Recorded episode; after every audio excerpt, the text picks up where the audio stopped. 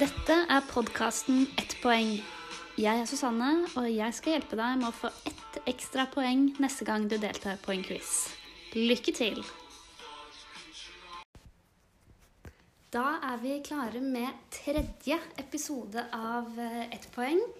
Og denne uken så er det påskespesial med hele 100 spørsmål. Vanligvis så pleier jeg å dele hvor mange poeng eh, som vi har fått, men eh, vi har ikke gjort den ferdig ennå. Så det fins ikke noe svar på det helt ennå. Eh, Foreløpig så ligger vi vel eh, under middels an, men dette er jo en podkast som, som handler om å lære. Eh, så jeg syns egentlig det er greit å, å dele det, at eh, vi har under halvparten riktig foreløpig. Uten at vi trenger å skamme oss av den grunn.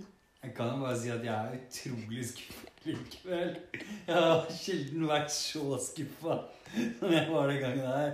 Jeg var, sånn, jeg var nedbrutt i en lang tid etter at jeg ikke hadde greid eh, spørsmålet om eh, Vasiljev-katedralen i Moskva.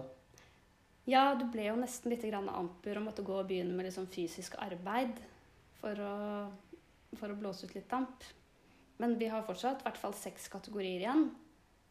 Så jeg velger å ha, jeg velger å ha troen, altså.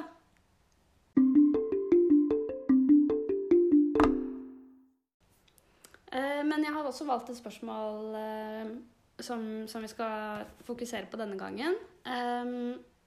Jeg har gått for spørsmål 21, som eh, går som følger. Hva kalles et frittstående klokketårn som det skjeve tårnet i Pisa?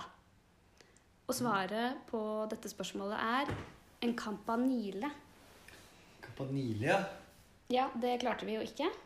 Nei, det greide vi ikke. Det er sant. Har du vært i Pisa, eller? Jeg har vært i Pisa, Mm. havnebyen til Firenze.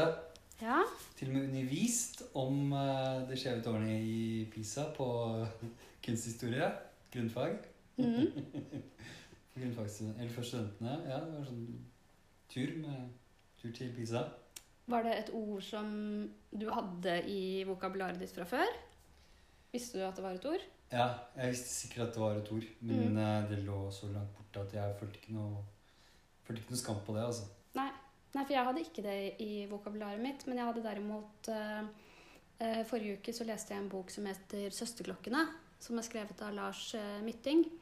Eh, og der brukte de et, eh, et annet ord eh, om, om frittstående klokketårn. Så jeg var litt mer opphengt i, i en sånn norsk versjon av ordet, som er um, uh, klokkestøpul. Uh, men det hjalp jo ikke akkurat det, da. Men jeg tenkte at vi skulle se litt på historien om det skjeve tårnet i Pisa. Men hva sa du for noe? Susi? Var det et norsk ord for dette her? Ja, klokkestøpul. Det, Klokkestøpul?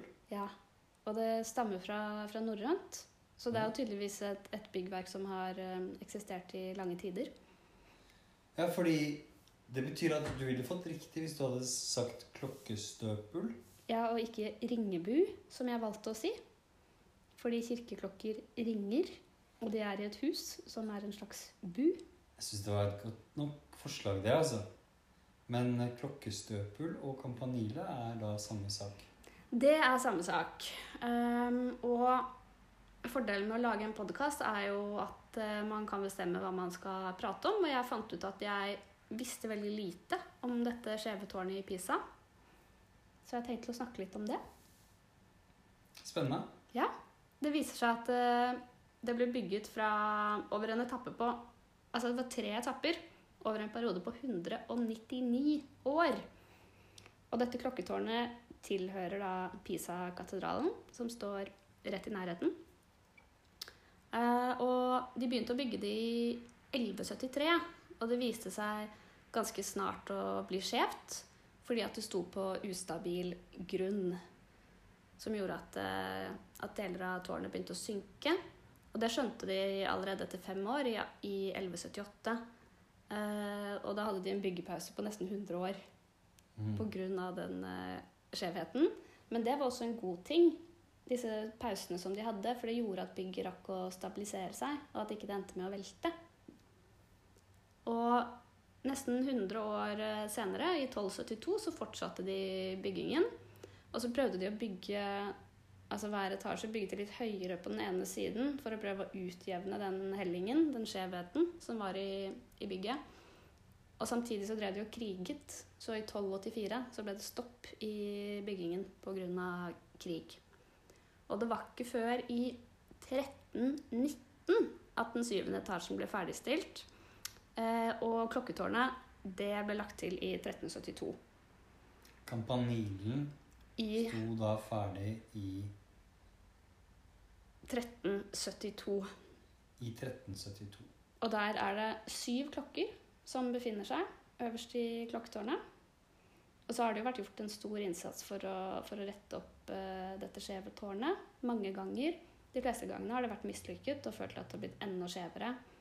Men for ikke så mange år siden, i, på begynnelsen av 2000-tallet, så, så de et, eh, en, gjorde de en kjempestor jobb og reduserte den skjevheten med faktisk 45 cm. Så har jeg en sånn liten påske Kanskje ikke en fun fact, men bare en vanlig fakta. For det er jo syv klokker i dette tårnet. Og den femte klokken, den eh, har et italiensk navn som jeg tror jeg kanskje ikke skal prøve å uttale. Pas, Pasquareccia. Eh, og det kommer fra påske. Og den brukes til å ringe inn påskedagen. Nei, er det sant? Ja. Og den Jeg syns det passet ganske bra Ja, det var veldig morsomt, da. Eh, og den klokken er faktisk eldre enn selve klokketårnet. Oi. Mm. Hva kalte du den for nå? Mm, jeg vet ikke om jeg vil si det en gang til. Pasquareccia. Jeg tror det går helt fint. Ja. Pasquareccia. Ja. Så får vi se om det er riktig uttalelse eller ikke. Eh, og disse byggene, både klokketårnet og eh, katedralen, er faktisk på Unescos verdensarvliste. Så dette her er viktige, viktige bygninger. Og i Norge så kan disse mm, Hva var det det het på norsk igjen? Klok Klokkestøpul. ja, Jeg har lært noe nytt i dag, syns jeg. Ja, det sitter hos deg. Det er jo helt supert. Men Ja, det er satt som et skudd. Klokkestøpul. Ja, og det er også, også funnet utenfor eh, norske stavkirker. Blant annet den som står, fortsatt står i Borgund. Så jeg oppfordrer til å bruke eh, påsketurene, som i år kanskje blir litt mer lagt rundt nærmiljøet enn enn det det vanligvis gjør, til å se om dere finner noen av disse klokkestøpulene, for de er langt mer utbredt enn det jeg i hvert fall visste. Så med det så ønsker jeg fortsatt god påske.